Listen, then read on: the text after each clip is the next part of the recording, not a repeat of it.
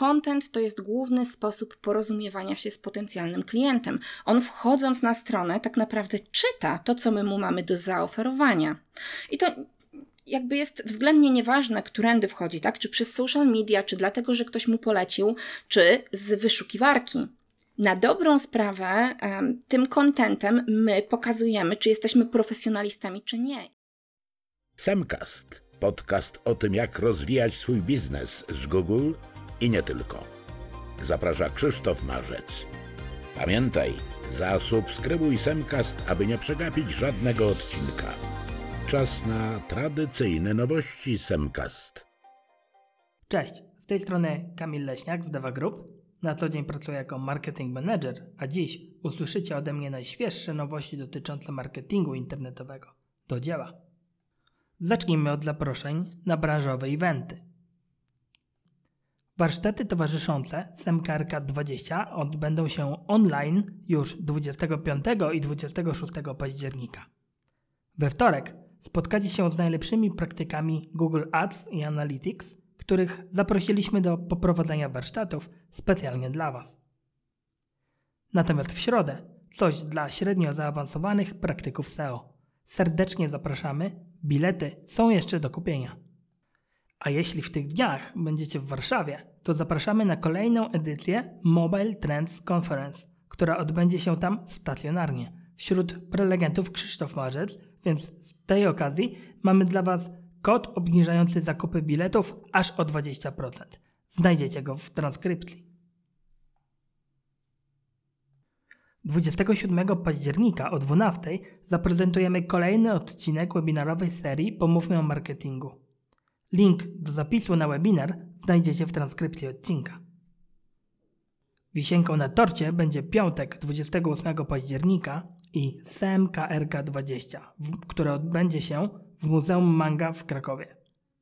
Więcej informacji o wydarzeniach, w których bierzemy udział lub które polecamy, znajdziecie na naszej stronie. Pamiętajcie o kodzie zniżkowym na bilety na konferencję SEM KRK 20. To już ostatnia chwila na użycie kodu. Kod znajdziecie w transkrypcji do dzisiejszego odcinka. Tym samym zakończyliśmy najciekawsze wydarzenia w branży, a teraz przejdźmy do działań kontentowych. WhitePress organizuje międzynarodową ankietę o SEO i content marketingu. W końcowym e-booku znajdziecie porównanie strategii i trendów dotyczących content marketingu, link buildingu i narzędzi SEO. Ankieta jest w pełni anonimowa i trwa od 5 do 10 minut. Za każdą w całości wypełnioną ankietę WhitePress przekaże 1 euro na organizacje charytatywne. My już pomogliśmy, teraz wasza kolej. Link znajdziecie w transkrypcji. Kolejną ciekawostką są działania Social Press i Content House, którzy przygotowali raport pod tytułem Kryteria wyboru agencji marketingowych. Jest to prawie 100 stron rzetelnych informacji przygotowywanych dla samych agencji, jak i dla ich potencjalnych klientów. Tym bardziej zapraszam do jego sprawdzenia, ponieważ dołożyłem tam kilka słów od siebie. Semcast to podcast o tym, jak rozwijać biznes z Google. Dlatego też na naszym blogu znajdziecie podsumowanie konferencji Search On 22 z najnowszymi ciekawostkami od Google. Wśród nich m.in.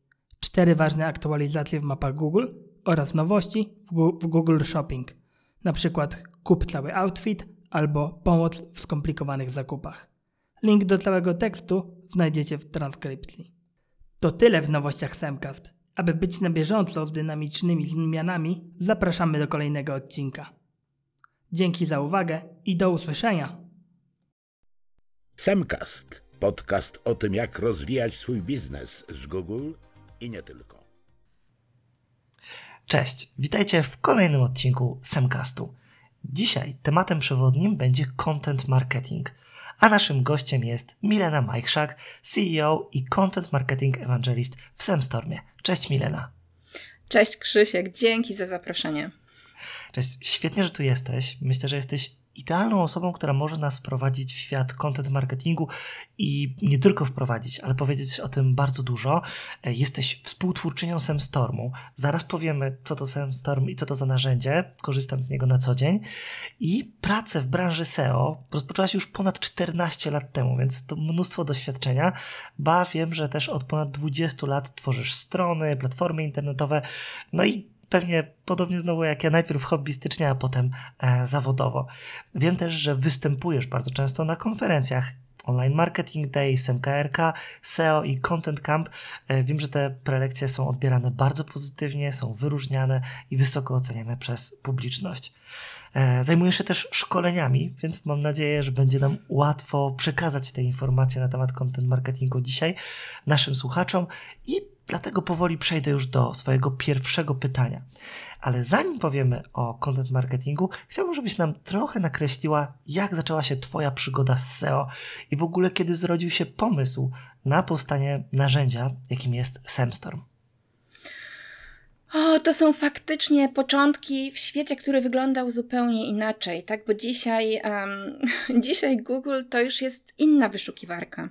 Ale masz rację, ja tworzyłam strony najpierw hobbystycznie i z content marketingiem miałam chyba do czynienia tak od początku, tylko to oczywiście wtedy nazywało się inaczej, bo ja między innymi właśnie hobbystycznie współtworzyłam jedną z platform blogowych, gdzie ktoś mógł sobie założyć bloga i go publikować.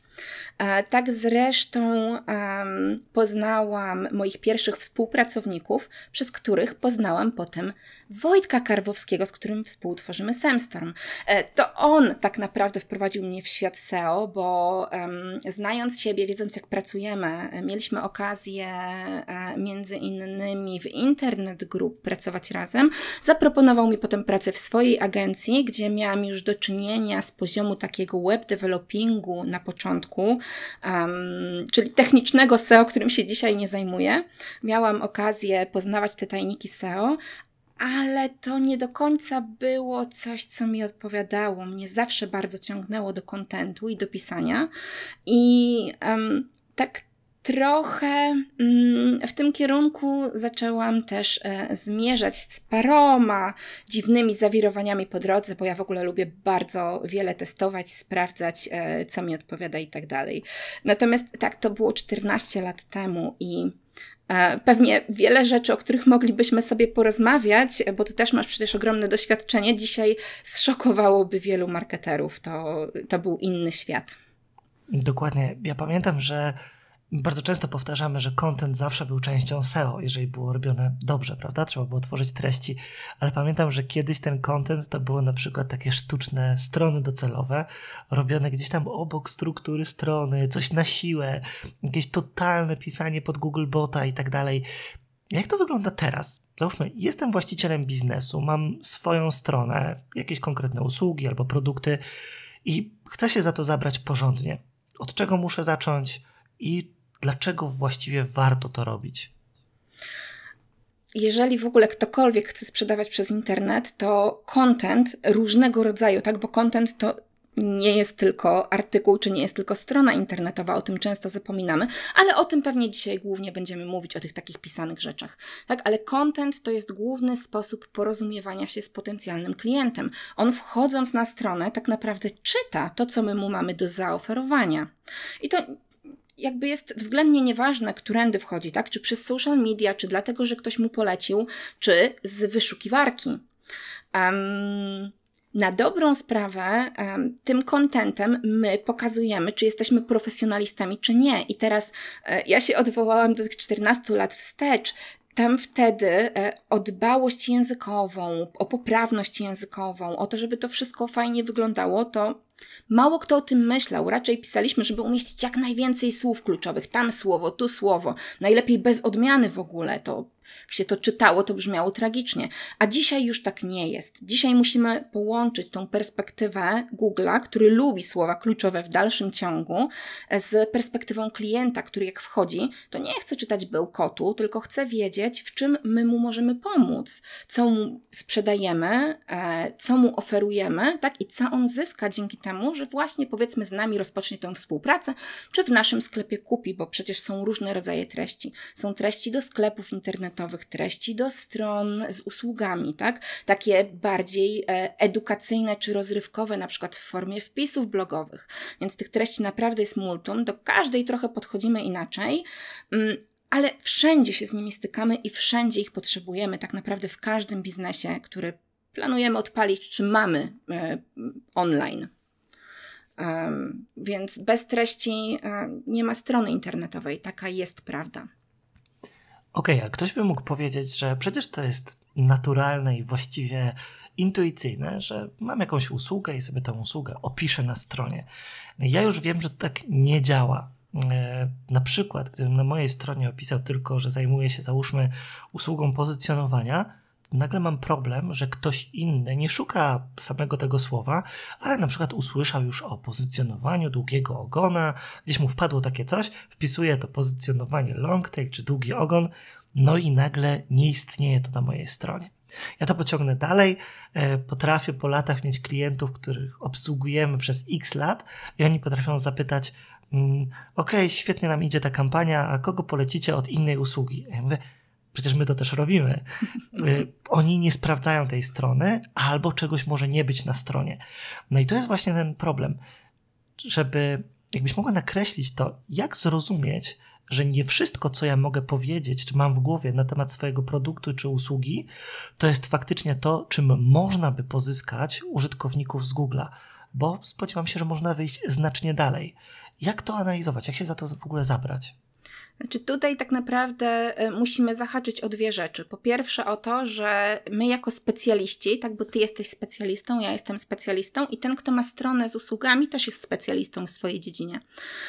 I my się zmagamy z klątwą wiedzy. Mm, z tym, że jesteśmy tak głęboko w swoim biznesie, że coś, co dla nas jest logiczne, intuicyjne, dla kogoś nie jest. I jednocześnie mamy, to też nie mówię, że wszyscy, ale my jako specjaliści mamy, nie wiem, czy to jest niechęć do jakby weryfikacji tego, co myślimy, czy to może taka trochę obawa, że jak będziemy mówić prosto, czy jak będziemy szukać prosto, pisać prosto, to ktoś stwierdzi, a może to wcale nie jest taki ekspert i nie warto go słuchać.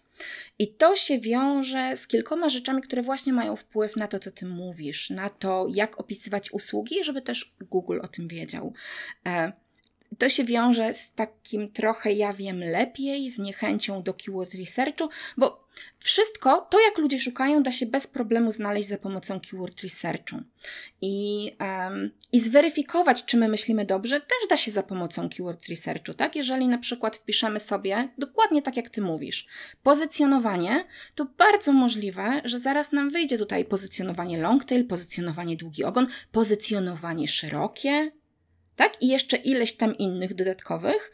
Um, jeżeli zrobimy analizę konkurencji w ogóle, co też jeszcze z niewiadomych przyczyn dla mnie dzisiaj nie jest robione tak e, szeroko i niektóre firmy w ogóle się za to nie zabierają, dowiemy się, że oprócz tego pozycjonowania, które u nas w głowie gdzieś tam istnieje, nie? jako taki główny termin, jest też SEO, jest też link building, może ktoś tego szuka i nie są to tylko specjaliści i możemy w ten sposób rozszerzać ten zbiór fraz o powiązane semantycznie, o takie, które faktycznie powinny się znaleźć, żeby dotrzeć do tych mniej zaawansowanych, którzy pewnie wpiszą pozycjonowanie, do tych, co już troszkę liznęli tematu i może wpiszą link building i jeszcze do jakichś innych osób, które też mogą szukać na swój własny sposób.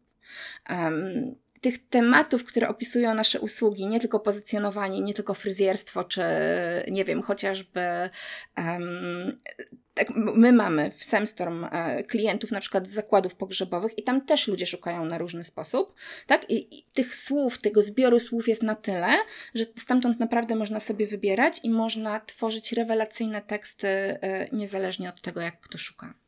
Ja dodam od siebie, że są na pewno słowa, które potrafią sprzedawać nasze usługi e, do konkretnej grupy odbiorców. Czyli jesteśmy w stanie znaleźć takie słowa, po których znajdziemy klienta, który na przykład chce kupić po prostu tani sportowy zegarek, który będzie odporny na jakieś zwykłe wstrząsy, lub klienta na zegarki ekskluzywne, drogie, nadające się na jakąś wyjątkową okazję. I właśnie w tym researchu, w tej analizie słów kluczowych, myślę, że warto to zrobić, ale dodaj tutaj proszę, co potem z kontentem? Czy piszemy w inny sposób do innych osób? Wiesz co, tak, i piszemy do innych, e, do osób, które znajdują się na różnych etapach lejka w ogóle w inny sposób, bo e, rzadko kiedy jest tak, że klient sobie, o, znaczy klient potencjalny, klient potencjalny kupujący, dzisiaj sobie siedzi na spotkaniu i patrzy, że wszyscy mają zegarki i na tym samym spotkaniu pod stołem wchodzi przez telefon i kupuje zegarek.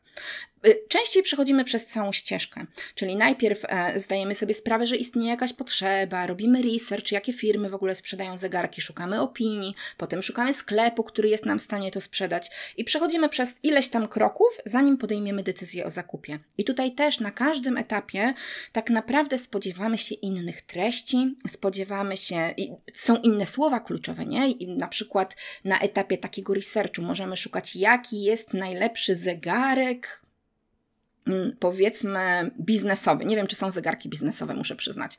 Ale jaki jest najlepszy zegarek biznesowy? Tak, a potem już mając konkretne marki, możemy szukać marka, opinie. Tak, zegarek, marka, opinie. E, I w jednym przypadku chcemy dostać jakby taki zbiór um, kilku zegarków czy kilku marek, które spełniają nasze oczekiwania, w innym przypadku być może e, jakieś nawet wideo nagranie, tak? A później, jak już wiemy, co kupić, no to oczywiście stronę kategorii w sklepie albo stronę już konkretnego produktu. E, I podobnie jest jakby z rodzajami treści, o których Ty mówisz, tak? E, mamy też w ramach jednego produktu, mamy tanie zegarki, mamy drogie zegarki ekskluzywne, mamy zegarki przecież, które mają przypominać biżuterię, zwłaszcza dla kobiet, zegarek, który wygląda jak bransoletka. Mamy zegarki, e, te takie smartwatche, tak, które są bardzo popularne i tak naprawdę tutaj też każdy z nich będziemy opisywać w inny sposób, bo jeżeli na przykład kobieta chce kupić ekskluzywny zegarek, to właśnie musimy podkreślić to, że on ma wyglądać jak bransoletka i nie rzucać się w oczy, a jeżeli ktoś chce kupić smartwatch, to zależy mu na zupełnie innych cechach i te cechy też trzeba rozpoznać. Ale tu bardzo często też podpowiadają nam narzędzia do researchu słów, bo jeżeli wpiszemy smartwatch i wybierzemy sobie tam opcję na przykład jak w Semstorm generowania tematów, to zapoznamy się z najczęstszymi pytaniami, jakie użytkownicy mają o smartwatchach i następnie w takim opisie wystarczy te pytania zaadresować Oczywiście konkretnie uwzględniając ten model, który opisujemy, tak? I w ten sposób jakby przekonać klienta, e, że to jest smartwatch właśnie dla niego i tym trzeba się zainteresować i to warto kupić.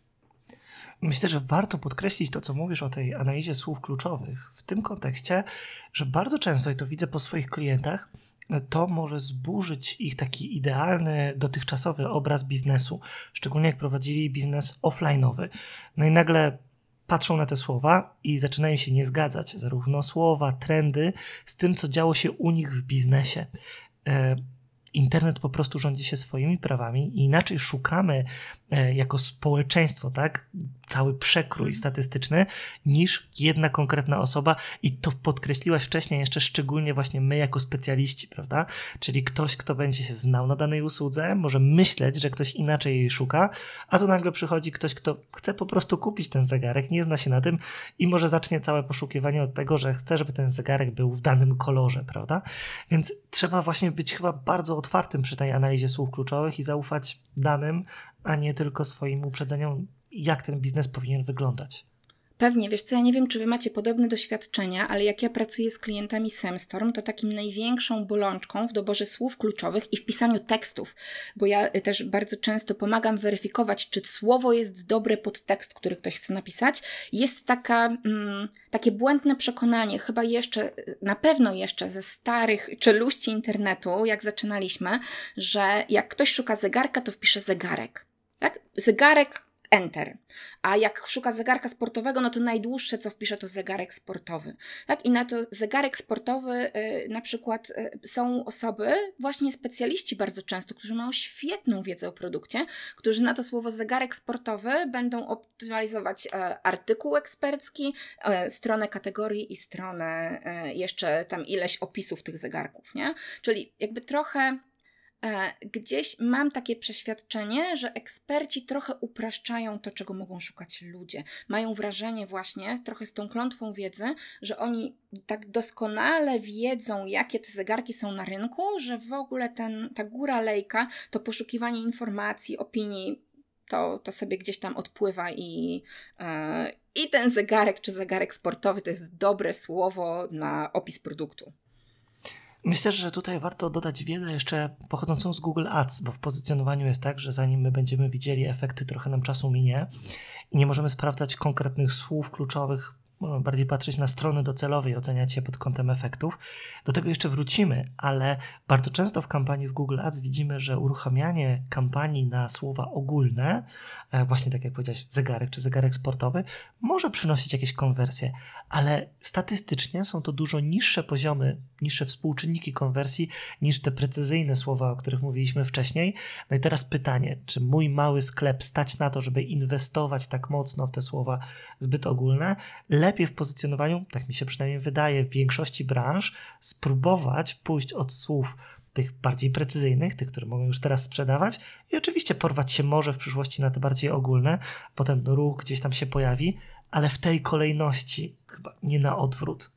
Chyba tak, ale y, znaczy, y, dokładnie wszystko to, co mówisz, jest prawdą. Natomiast ja wiem, że ten, to zegarek, tak? Zegarek, opony, um, książki, e, podręczniki to są tak prestiżowe słowa dla niektórych, że oni od tego chcą zacząć, tak? Bo jak będą na to widoczni, to wszystko przyjdzie samo. A nie jest dokładnie tak, jak mówisz. To jest takie dla mnie osobiście, jeżeli to nie ma uzasadnienia biznesowego, bo nie wiem, nie jest to nazwą naszego brandu jak Apple, nie? E, to inwestowanie w takie słowa to jest strata pieniędzy klienta po prostu, bo jasne, wbijemy te topy, on będzie miał z tego być może nawet multum ruchu, jak staniemy na rzęsach, tak, i wydamy multum pieniędzy. Um, no i co z tego, skoro efekty będą niezadowalające i jak będą niezadowalające, no to zrazi się do działań SEO, no tak ogólnie i być może na długo. Także no, long tail, e, a w ogóle tak naprawdę słowa z, z, intencjami, bo ja lubię, nie lubię już myśleć o money keywords i o long tailu, czyli o tych głównych słowach i long tailowych. Lubię sobie mówić teraz o intencjach słowa kluczowego i e, jeżeli ktoś ma sklep, to zaczęłabym od intencji takich typowo zakupowych, komercyjnych. I super, że to powiedziałaś, bo właśnie do tego chciałem nawiązać w przykładzie. Te intencje są niesamowicie ważne. Wiele osób mówi: No dobra, stoję na e, dworcu, w Warszawie, będę jechał pociągiem, który pewnie będzie opóźniony i nie mam mojego czytnika, muszę kupić jakąś książkę, więc wchodzę do sklepu i właśnie kupuję książkę. Czyli obalam Twoją tezę, że słowo ogólne, czyli mój ogólny pomysł jest zły.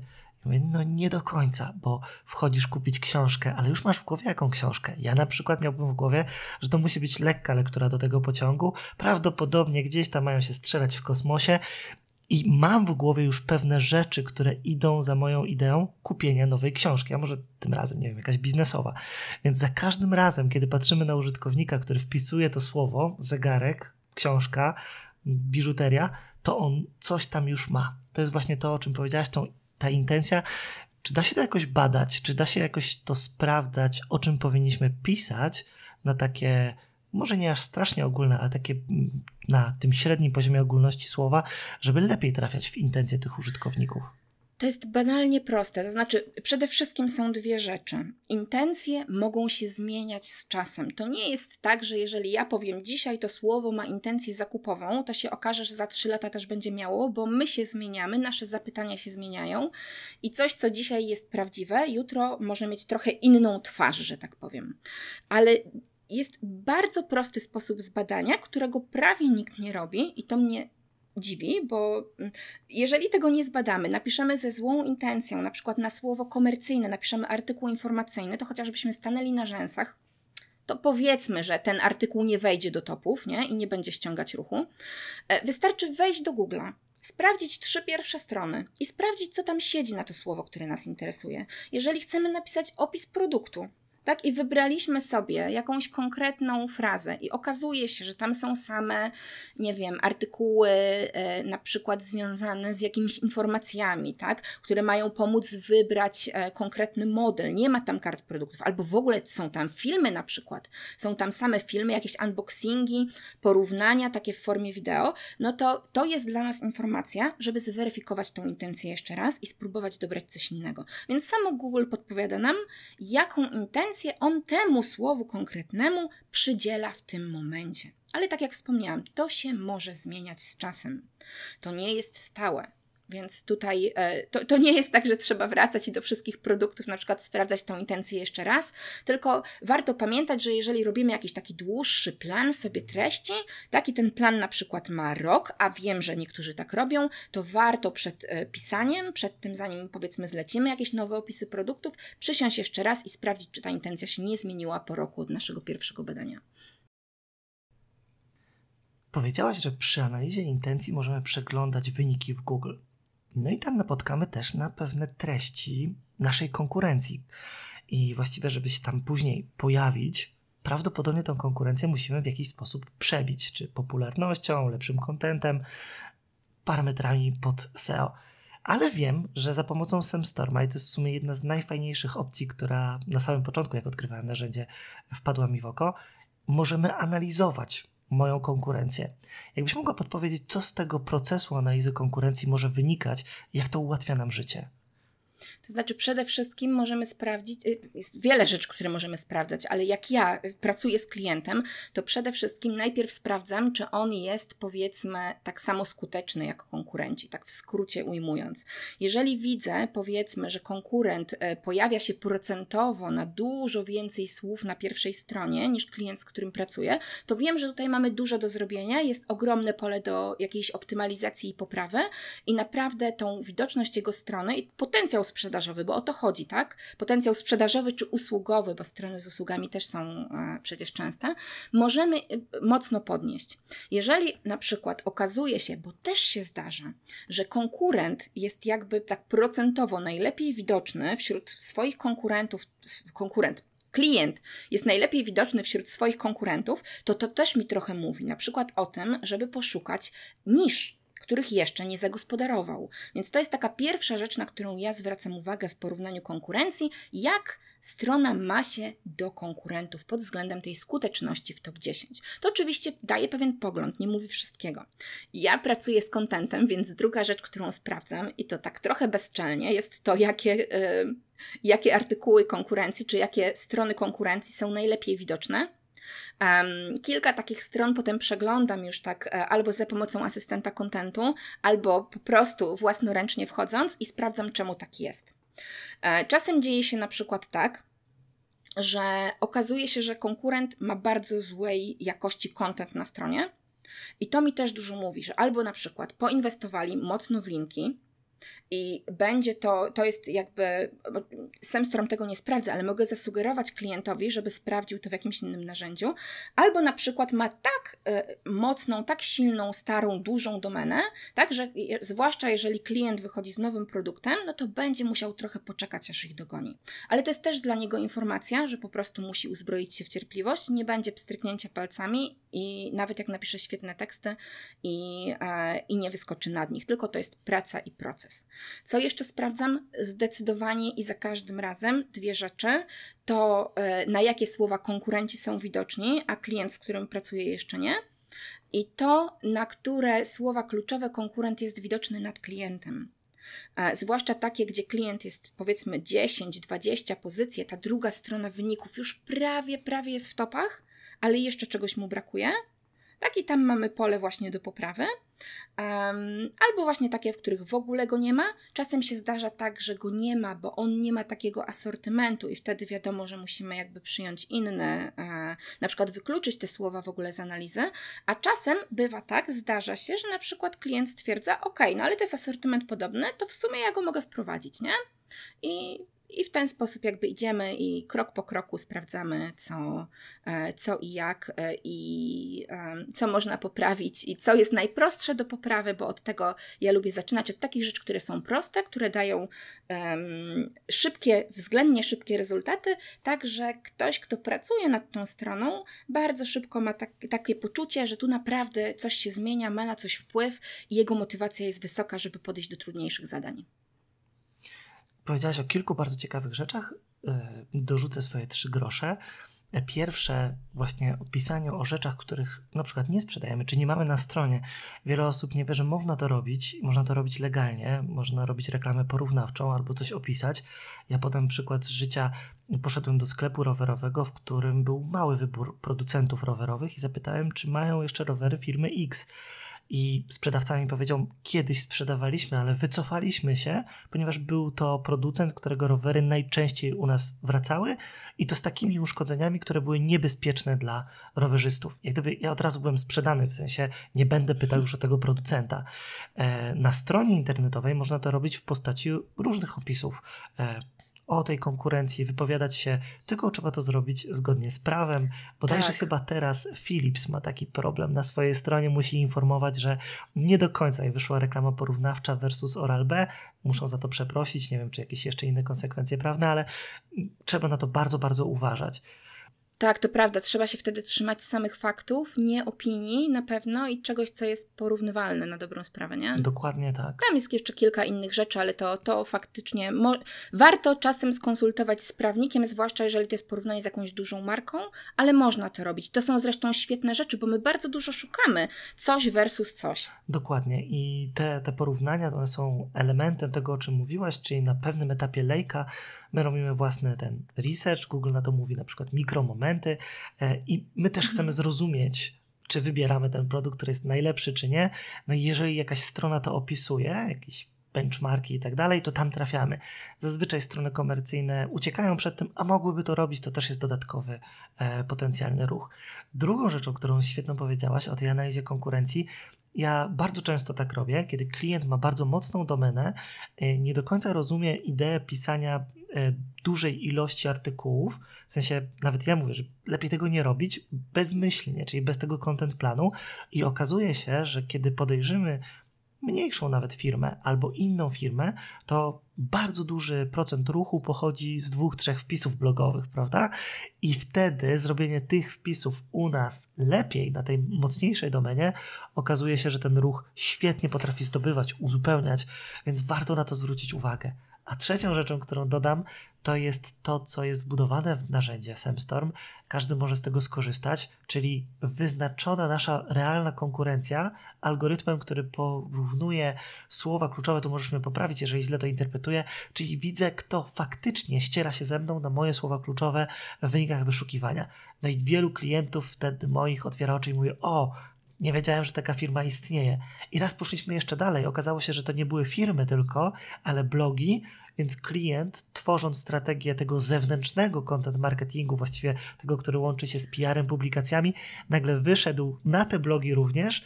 No i jeżeli ktoś pisywał słowo kluczowe, to mógł trafić do tego klienta, albo mógł trafić na ten jakiś blog tematyczny i też na jego treści, też na jego wypowiedzi. Tak, i to jest super, nie? Bo jakby jedna strona zazwyczaj tylko raz pojawia się w wynikach wyszukiwania. To jest delikatne uproszczenie, tak? Ale możemy tak powiedzieć, że jedna strona tylko raz, a dzięki temu e, jeszcze e, możemy naprawdę w top 10 zająć, nie wiem, 5, 6 miejsc, więc jest dużo większa szansa, że klient trafi na nasz produkt. To jest super. To super, to podsumujmy jedną rzecz, zanim przejdziemy dalej, bo mam bardzo drugi ciekawy temat, o który chciałem się zapytać. E, te słowa kluczowe, jak ich szukać? Jakbyśmy mieli to w punktach komuś wymienić, kto dopiero zaczyna tą przygodę. Oczywiście ma ten planer słów kluczowych w Google, jeżeli ma dostęp do kampanii Google Ads, ale na co jeszcze powinien patrzeć? Jest. Y bardzo dużo możliwości, myślę, że o których zapomnę. E, ja oczywiście będę, i to jest jedno z moich głównych narzędzi, to jest e, planer słów kluczowych, bo z niego też mi się zdarza korzystać. My mm, mamy akurat dostęp do tych danych AdWords, bo dla mnie one są kluczowe.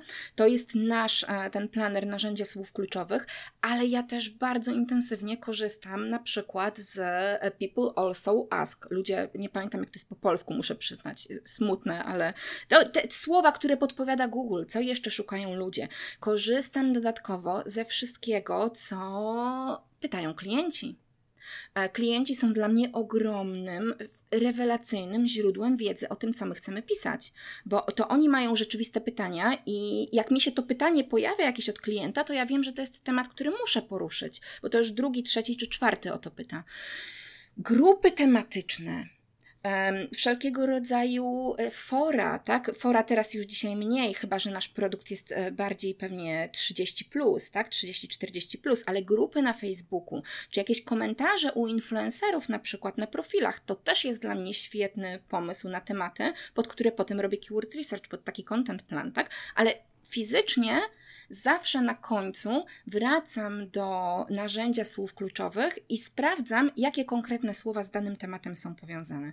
I to, o czym ty mówiłeś, tak, e, że że e, możemy trochę skopiować od konkurencji i faktycznie z nimi pograć. Bardzo często, na przykład wśród e, klientów, z którymi ja pracuję, jest takie przekonanie ogromne, że no dobra, no ale to jest, nie wiem, to jest strona Onet, to jest strona Interia i ja zupełnie nie mam szans z nimi. I to też jest nieprawda. Jeżeli przygotujecie klient, znaczy jeżeli przygotujemy dobry tekst, wartościowy, to naprawdę nie jest trudno nawet z takimi gigantami podjąć walkę, bo ja to sama zrobiłam i to jeszcze z treściami pisanymi przez AI. Ja podjęłam walkę z TVN-em i z Onetem i udało mi się wskoczyć na pozycję zero nad nimi tak? Więc e, to jest możliwe dla nowych stron, e, nawet dla, treści pisanych przez AI, jeżeli są robione z głową, i tym bardziej dla kogoś, kto e, po prostu jest ekspertem w temacie i może się podzielić taką rzeczywistą, faktyczną wiedzą, odpowiedzieć na realne pytania użytkowników. No i oczywiście jakby zaadresować te słowa kluczowe, których użytkownicy internetu szukają. Świetnie, to ja dodam tylko jedną ciekawostkę te pytania, o których powiedziałaś od klientów, one czasami pojawiają się w takiej formie, którą bardzo dużo osób pomija, czyli wewnętrzna wyszukiwarka na stronie.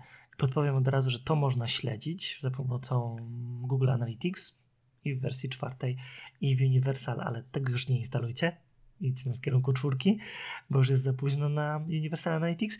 I e, tam można też to podglądać. I to też jest całkiem ciekawa kopalnia słów kluczowych.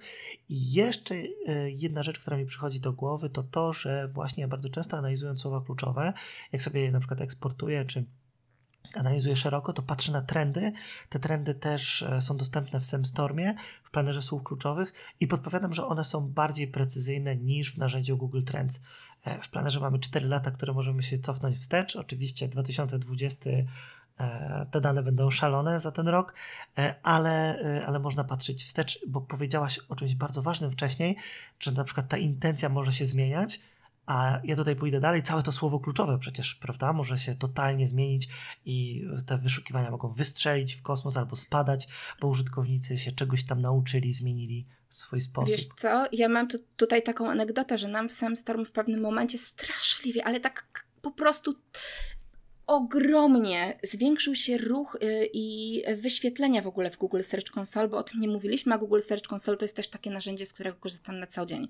I e, naprawdę po prostu no, wywaliło w kosmos. Mm, I ja sobie przychodzę w poniedziałek, patrzę, a tu się coś dziwnego stało, nie? I sprawdzam co, a to było słowo kluczowe evergreen. I kiedyś był sobie taki statek evergreen, co się zaklinował.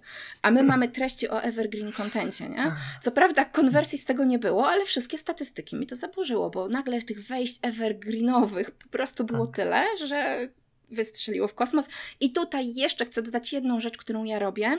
W Search Console ja sprawdzam też, na co ludzie wyszukują grafiki i zastanawiam się, czy to mogę przełożyć też jakoś e, na takie treści pisane, bo czasem mi się te rzeczy rozjeżdżają, to znaczy grafiki szukają na inne słowa, tak? A y, tych wyników standardowych też e, tam mam inne słowa i jakby łączę je, sprawdzam, które są rozdzielne i czy mogę jeszcze wyprodukować treści, które właśnie te słowa z grafik mi ogarną. Super.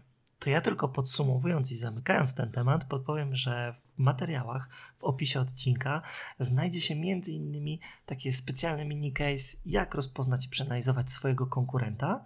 Więc tutaj e, dla Was dodatek. Zaraz przejdę do tematu AI, który już się przed chwilą pojawił, ale zanim to zrobimy, użyjemy naszej SEM kostki. Do wyboru będzie jedno z kilku bazowych pytań, rzucamy kostką i zobaczymy, co nam się wylosuje. Inspiracja branżowa. Świetnie, bo ty masz ogromne doświadczenie w branży i chcemy się dowiedzieć, jak osoba na Twoim etapie kariery zdobywa nową wiedzę poleć nam coś. Taką typowo branżową, mm, ja jestem z tego starego pokolenia, co to jeszcze używa Facebooka. I ja muszę przyznać, że zdecydowanie używam do zdobywania nowej wiedzy Facebooka. Co prawda, wymaga to ode mnie mocnego filtrowania, bo tam jest są rewelacyjne perełki. W sensie, jeżeli jest coś ważnego, to tam się pojawi na grupie polskojęzycznej, na grupie angielskojęzycznej, ale tam się pojawi. Natomiast trzeba oczywiście sobie podsiewać. Ja całego Facebooka skonfigurowałam tak, żeby mieć, tak jak LinkedIna niektórzy robią, żeby mieć głównie branżowe tematy. E, I chociaż mało korzystam tak aktywnie, to bardzo intensywnie jako czytelnik. Ogólnie niestety muszę przyznać, że preferuję źródła anglojęzyczne, bo tam zazwyczaj pojawiają się takie bardzo ważne rzeczy wcześniej. Um, natomiast e, oczywiście jeszcze e, tutaj intensywnie śledzę takie. Nie, to będzie ukłon w Twoją stronę, Krzysiek, bo jesteś jedną z tych osób i Dewa też. E, osoby w branży i firmy w branży, które wiem, że piszą o sprawdzonych rzeczach, o ważnych rzeczach i nie podają dalej po prostu takich jakichś niesprawdzonych e, czy dziwnych, tak, które potem muszę po swojej stronie odsiewać. Ale ogólnie to też robię na Facebooku, także Facebook służy mi do tego typu rzeczy i e, mój wspólnik z Semstorm, Wojtek Karwowski, który też mi multum rzeczy podsyła. Nie wiem, jak to robi, ale zazwyczaj są to też e, mega wartościowe ciekawe e, wiadomości czy case studies. Świetnie. Bardzo Ci, bardzo ci dziękujemy i y, podpowiem właśnie, że mamy często problem, jak sami szukamy jakichś materiałów e, do naszej semówki, czyli podsumowań takich tygodniowych na blogu, żeby wybierać te treści, które faktycznie ktoś sprawdził, a nie tylko powiela. Myślę, że to jest taki nasz branżowy problem, od, e, ale nie tylko naszej branży, ale od wielu lat. I dobrego specjalistę też można poznać po tym, że on szybko umie filtrować między tymi wiadomościami i sam nie podaje dalej, więc to jest coś, myślę, że na, ktoś na początku swojej kariery powinien na to mocno zwrócić uwagę.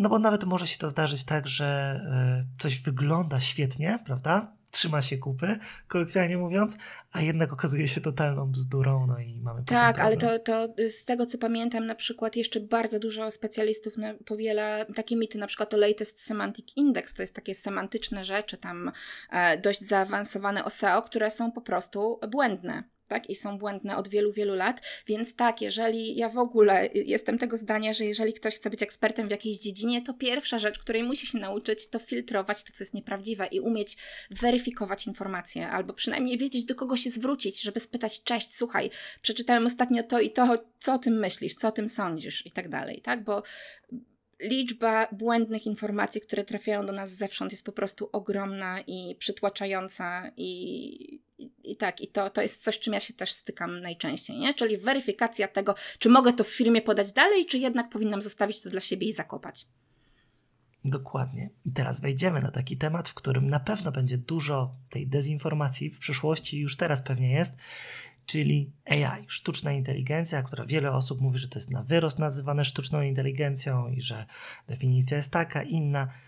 Ja się odniosę do konkretu, do konkretnego działania, czegoś, co faktycznie przekłada się na biznes, czyli generowania tekstów czy pomocy przy pisaniu tekstów. I wiem, że nie powiemy wszystkiego, też w materiałach znajduje się link do takiego specjalnego webinaru którym mieliście świetnego webinaru, czyli jak generować treści przy pomocy sztucznej inteligencji, ale poruszmy chociaż trochę mm, tego tematu, czyli jak pisać te artykuły z AI, co może pójść nie tak i czy to AI kiedyś nas zastąpi, czy ono się już może teraz przydać w biznesie, czy to jest pieśń o przyszłości?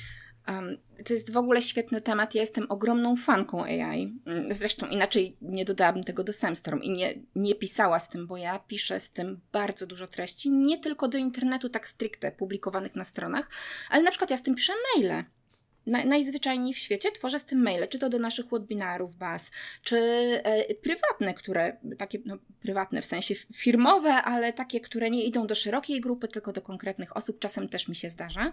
E, I zacznę może od końca, czyli od tego, czy AI nas zastąpi, bo to faktycznie rozbudza naszą wyobraźnię. Widzimy gdzieś te roboty, co wychodzą e, na ulicę, tak? I e, władze nad światem e, mają i my mamy problem.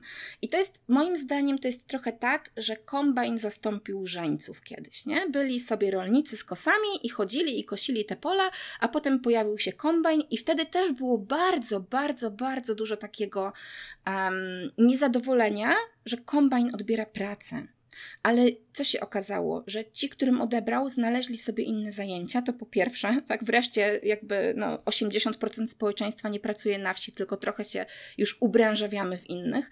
Po drugie, ten kombajn też potrzebuje kombajnisty. To nie jest tak, że my go możemy zostawić, chociaż to nie jest oczywiście idealna e, analogia, ale to nie jest tak, że my sobie ten kombajn możemy zostawić i on zrobi wszystko, co trzeba i potem jeszcze sobie sam zaparkuje e, gdzieś tam pod wiatą czy w jakimś dużym garażu.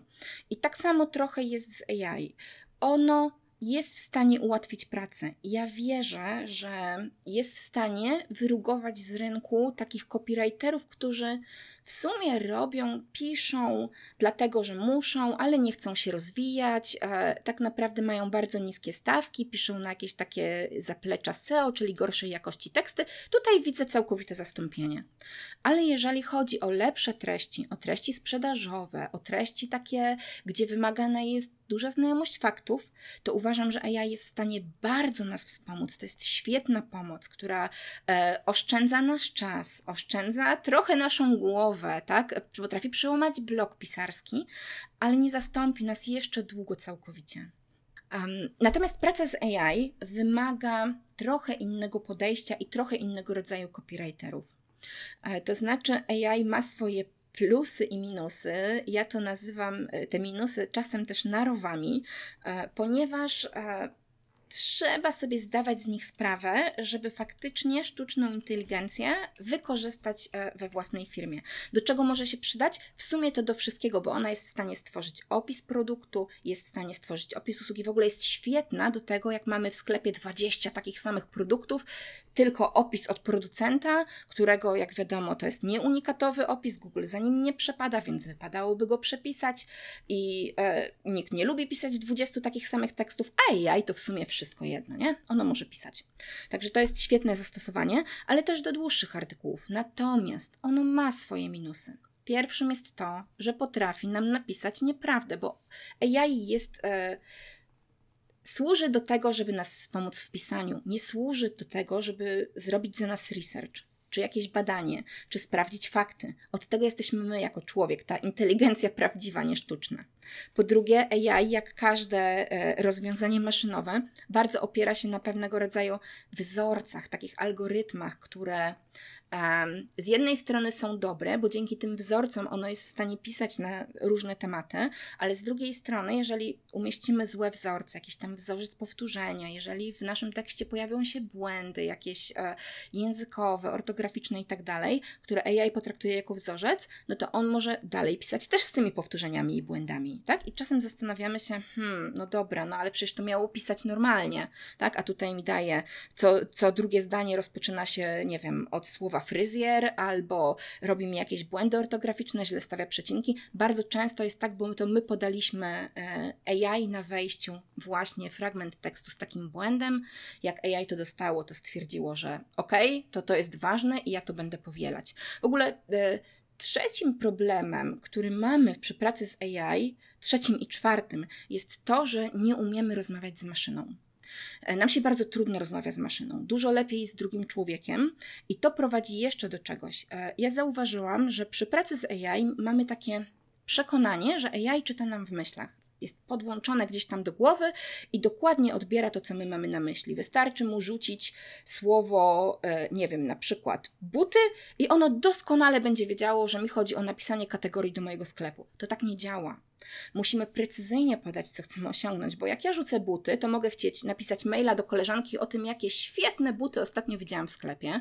Mogę napisać piosenkę o butach, mogę napisać um, na przykład um, wpis na bloga o tym, jak dobrać buty do biegania, a mogę chcieć opisać jakieś konkretne buty, na przykład jakiś model jako opis produktu, a w ogóle to może nawet nie do internetu napisać tekst, tylko na przykład na jakąś ulotkę, którą postawię u siebie na w moim sklepie obuwniczym w małym mieście. Możliwości jest multum, a my się z AI, i ja to zauważyłam naprawdę wielokrotnie, komunikujemy w stylu ja mu coś rzucam, a on mi ma pisać. Nie, muszę być precyzyjna.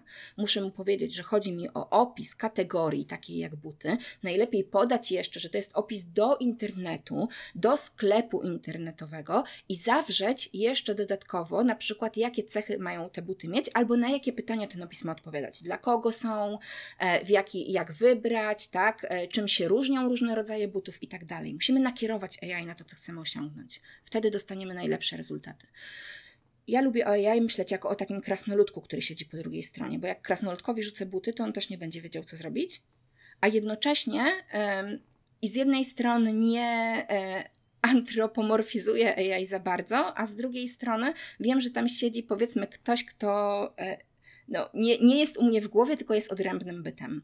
I sobie wyobrażam, zupełnie serio teraz mówię, takiego krasnoludka siedzi sobie za tym monitorem, bierze to, co ja mu mówię i próbuje z tego zrobić coś sensownego. I jak ten krasnoludek zawodzi, to w pierwszej kolejności zastanawiam się, co ja mu podałam źle, a dopiero w drugiej kolejności mówię, a ty krasnoludku, to głupi jesteś. Myślę, że to jest świetne podsumowanie tego, jak możemy pracować z AI. Ja powiem też, że możemy z tym zejść na taki konkretny poziom biznesowy już teraz, bo zapraszam Was do opisu odcinka. Oprócz e, webinaru, o którym mówiłem, są tam też bonusy do przetestowania narzędzia e, Semstorm właśnie w zakresie e, wykorzystania sztucznej inteligencji przy pomocy pisania tekstów, więc gorąco zapraszam do niespodzianek w opisie. A ja na sam samiutki koniec zadam ostatnie pytanie, bo mam często wrażenie, że ktoś wymyślił strategię, całą kampanię, sprzedał to, wykonał teksty, ale zabrakło na samym końcu tego powiedzenia sprawdzam. I jest wyprodukowany nowy content, ale nie wiemy, czy z niego są dobre efekty, czy nie. Jak sprawdzać, czy te treści rzeczywiście działają? Od czego taką analizę zacząć? O, myślę, że musisz mnie zaprosić na kolejny odcinek Semcastu, słuchaj, bo to jest tak szeroki temat, że faktycznie tylko go zarysujemy. Jest kilka możliwości, niestety, i e, SEO e, jest na tyle długim procesem, że w ogóle na efekty to sobie poczekamy. Tak? To nie jest tak, że ja dzisiaj opublikuję i jutro już mam pierwszą sprzedaż, mogę się cieszyć e, tak? i robić jakąś imprezę. E, z mojego doświadczenia jest tak, że pierwsze wejścia po opublikowaniu jakiegoś artykułu czy opisu produktu mogą być od dwóch dni do dwóch lat. To jest ta, taki przestrzał, w zależności od tego, jak intensywnie działa konkurencja, jak popularna jest fraza, jak, e, jak e, ile się zmienia w trakcie, tak? I ile produktów, na przykład, jak mówimy o tych butach, tak, to im więcej tych butów będzie, tym trudniej mi się będzie na jakieś takie bardziej ogólne frazy wybić z moimi, nie? Im więcej podobnych usług, też tym bardziej mi się trudniej będzie mi się wybić z moją, więc no poniekąd konkurencja dalej. Um, I e, i dlatego na pewno trzeba się trochę, jakby, e, trochę uczulić na to, że to trwa, to trwa długo, to trwa tygodnie, to trwa miesiące. I masz rację, bardzo często jest tak, ja to też widzę wśród klientów Samstorm, że ktoś coś publikuje i przychodzi dzień po, pięć godzin po, bo się zdarza i pyta się, a gdzie są moje efekty.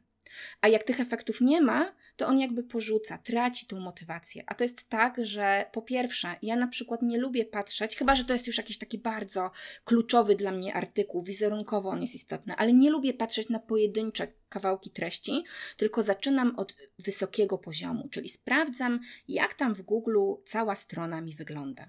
I korzystam do tego z trzech narzędzi regularnie. To jest po pierwsze Google Search Console i Google Analytics, niestety w wersji czwartej, której ja nie lubię, ale przywykam.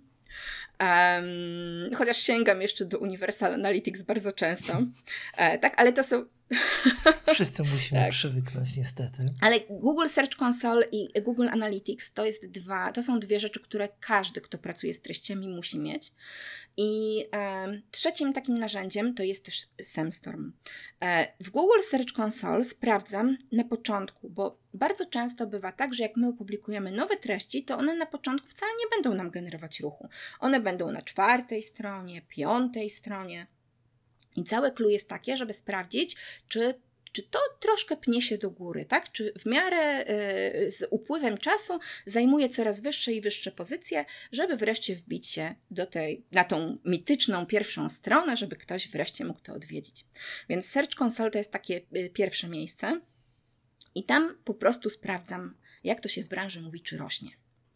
E, I wtedy, jak widzę na przykład, że rośnie albo że nie rośnie, sięgam do Google Analytics. Tam już robię trochę bardziej dokładne te analizy. E, między innymi, jeżeli jest taka potrzeba, schodzę już do poszczególnych e, artykułów i przede wszystkim sprawdzam dwie rzeczy. Po pierwsze, czy ruch jest e, z takich treści, które opublikowałam, a po drugie, sprawdzam też, czy one na przykład są moją stroną docelową, która potem wygeneruje sprzedaż. Czyli nie zapominam o tym elemencie sprzedaży, jeżeli to jest moim celem content marketingowym i zerkam, czy na przykład jak ktoś przyjdzie z Google'a na artykuł, który opisuje jakieś tam e, nowe funkcje SEMStorm w moim przypadku, to on jest szansa, że kiedyś ten SEMStorm kupi. Tak? I tutaj oczywiście to zależy, jaki cel ma kampania content marketingowa, bo sprzedaż to jest jeden z rodzajów celów, tak? Jest ileś tam innych, ale nie zerkam wyłącznie na to, żeby mi generowała kampania odsłony, zerkam na ten ostateczny cel także. To oczywiście mogę zrobić, jeżeli mam dostatecznie dużo odwiedzin e, z kampanii, tak? No i um, wszystko zależy tak naprawdę od tego, i jaki jest budżet, i jakie działania są prowadzone. Wiem, że małe firmy bardzo często odrzuca to, że na przykład one mają takie wrażenie, że powinny sprawdzać codziennie. Nie, moim zdaniem nie ma takiej potrzeby. Jeżeli zrobimy to raz na dwa tygodnie, czy w jakiejś takiej bardzo niszowej branży, takie y, bardziej szczegółowe statystyki będziemy sobie odpalać co miesiąc, to to też może być ok. Ale ważne, żeby wyciągnąć z nich wnioski wrócić do działań i poprawić to, co widzimy, że jest nie tak. Jeżeli jakiś wpis, na przykład, czy jakiś, um, jakiś opis produktu, pomimo naszych um, próśb, nie próśb, pomimo naszych e, starań, nadal siedzi gdzieś w czeluściach internetu, to żeby tutaj się zatrzymać, sprawdzić, zobaczyć, co robi konkurencja, czy my nie mamy tego opisu złego, a może na przykład zdarza się tak, że ten wpis w ogóle nie jest zaindeksowany, Google go jeszcze w ogóle nie zobaczyło. Tak, musimy do tego wrócić, wyciągnąć wnioski, wrócić się gdzieś tam na początek swoich działań i poprawić to, co było źle. A powielać to, co się sprawdziło. Także, także tak, e, publikowanie dla samego publikowania, tylko po to, żeby mieć więcej wpisów na blogu, to ja to uważam za ogromną stratę czasu i pieniędzy i nie polecam nikomu.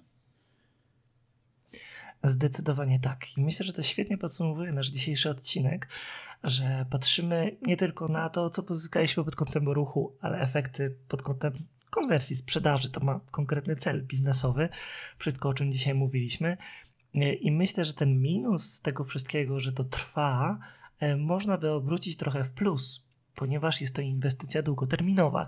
Czyli właściwie, jeżeli na przykład popatrzyłbym, napisałem artykuły, załóżmy, że zrobiłem to w czerwcu, ile przyniosło mi ruchu w lipcu i w sierpniu, no to jestem tak sobie zadowolony. Ale jak popatrzę na te treści, o których wcześniej wspominałaś, Evergreen i tak dalej za rok, nagle się okazuje, że to kliknięcie które gdzieś tam prowadzi do konwersji rzadziej lub nie, to już jest mniej ważne, nagle ono kosztuje znacznie mniej niż gdybym próbował ten ruch pozyskiwać na przykład z Google Adsów.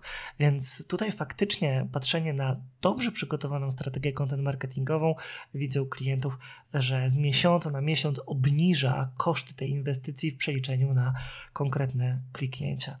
Tak, ale nie tylko znacznie mniej. Ja jeszcze tak dodam, że to jest w ogóle świetna strategia na kryzys, bo jeżeli w kryzysie, nie wiem, zdarzy się tak, że już zupełnie musimy obciąć budżet reklamowy i nasze reklamy Google Ads, Facebook idą w piach, tak, bo jest taka konieczność bardzo przykra, e, no to stamtąd nie, nie pozyskujemy już ruchu. Ale jeżeli nasza kampania content marketingowa idzie w piach, powiedzmy w piach na chwilę, tak, bo musimy ciąć koszty, to ona nadal generuje nam efekty.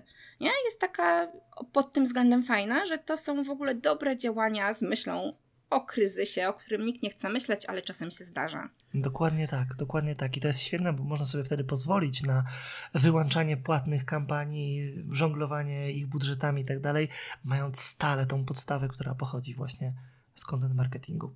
Super, to powiedzieliśmy dzisiaj bardzo dużo o content marketingu, o wstępie do tego co jest no właściwie nieodłączną częścią działań SEO, pozycjonowania. E, rozmawialiśmy o słowach kluczowych, skąd brać inspirację, jak analizować konkurencję, no i przyszłość content marketingu, czyli AI.